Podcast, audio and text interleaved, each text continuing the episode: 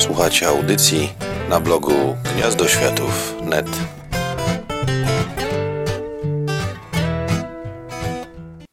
Bardzo dużym zaskoczeniem, mam wrażenie, było dla wszystkich, kiedy okazało się, że Hobbit będzie trylogią filmową.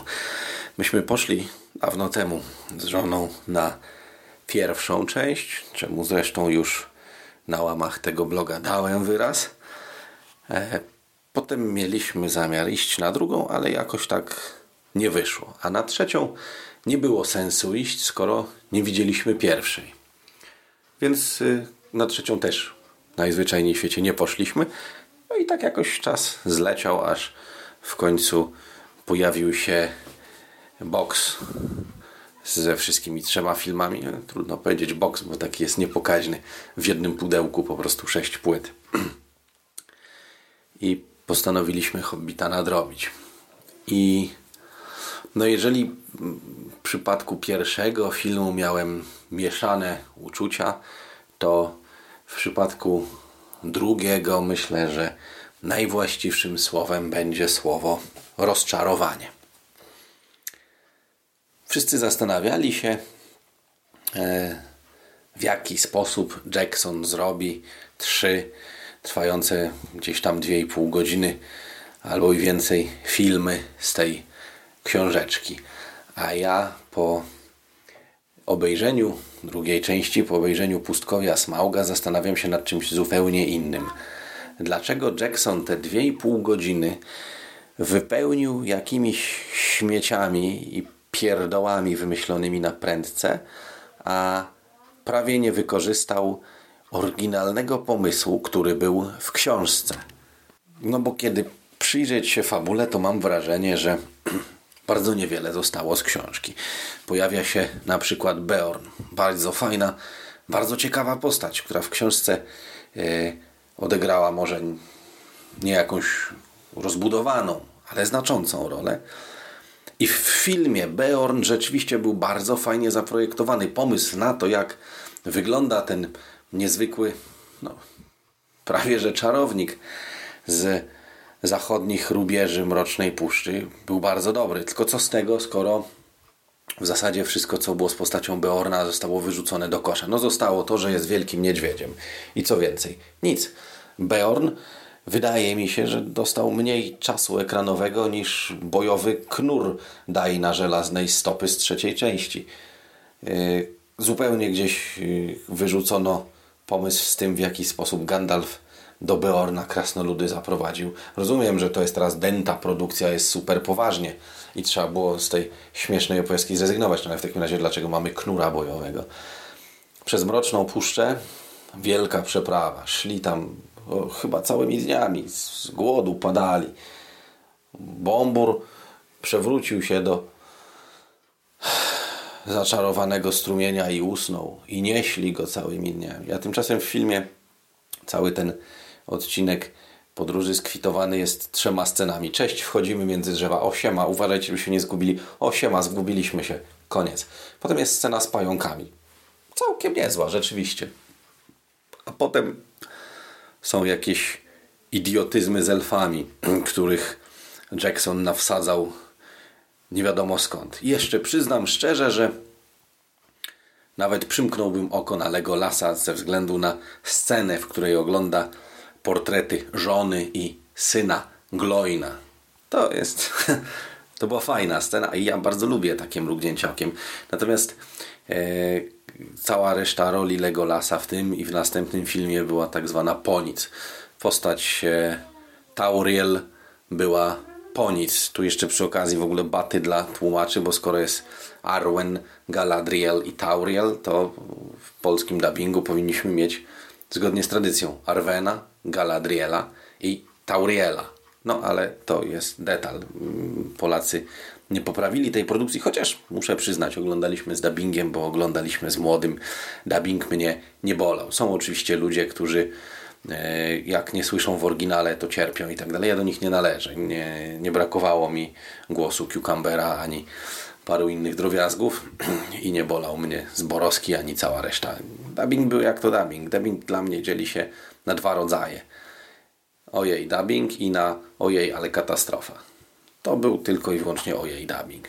Wracając do fabuły, potem od momentu, kiedy oni już uciekli rzeczywiście z tego pałacu króla elfów, to jeszcze jakoś to się w miarę trzymało kupy do momentu, aż weszli pod górę.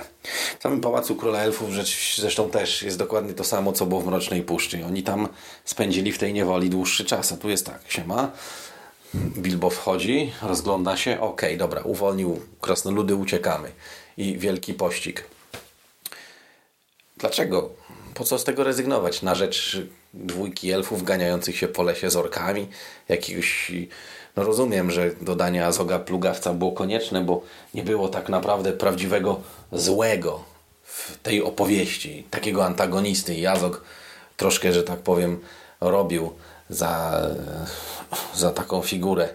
Ale to, to wszystko było w ogóle takie złe. I potem, kiedy już weszli do góry, myślałem, że będzie fajnie. Był Smaug i, i on był fajny. Dobrze był, wprawdzie był wywerną, a nie smokiem, ale niektórzy to mylą i nie czepiajmy się, nie będę małostkowy.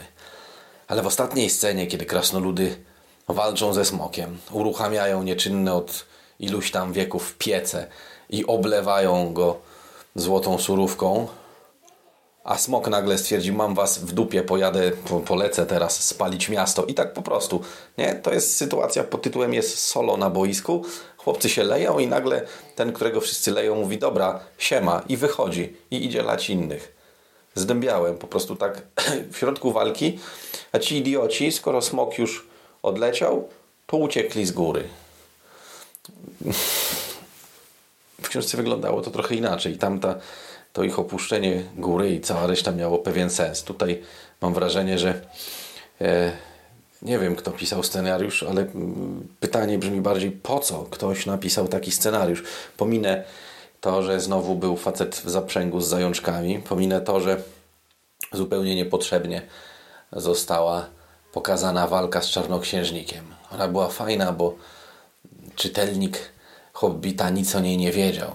Ona odbyła się gdzieś tam poza ekranem. To była jej siła. Biała Rada podjęła jakieś czyny. Biała Rada e, czymś się zajęła. Pokazanie Białej Rady w pierwszym filmie mm, nie wiem, czy było błędem, czy było złe.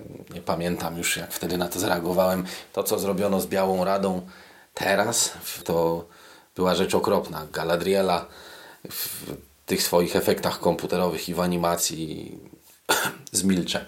W ogóle e, ten film cierpi na jeszcze jedną rzecz. E, na rzecz, która nazywa się wsadźmy jak najwięcej efektów, bo możemy. Tylko, że e, problemem takiego podejścia jest to, że te efekty bardzo często były zupełnie do niczego.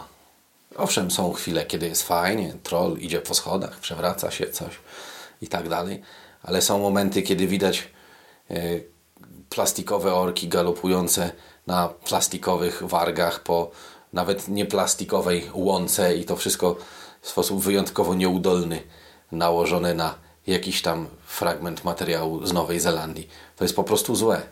Ten film mm, rozczarowuje mm, nie tylko dlatego, że wyrzucono do śmieci i nie wykorzystano potencjału oryginału, że popsuto scenariusz zupełnie idiotycznymi wstawkami, ale także pod względem realizatorskim.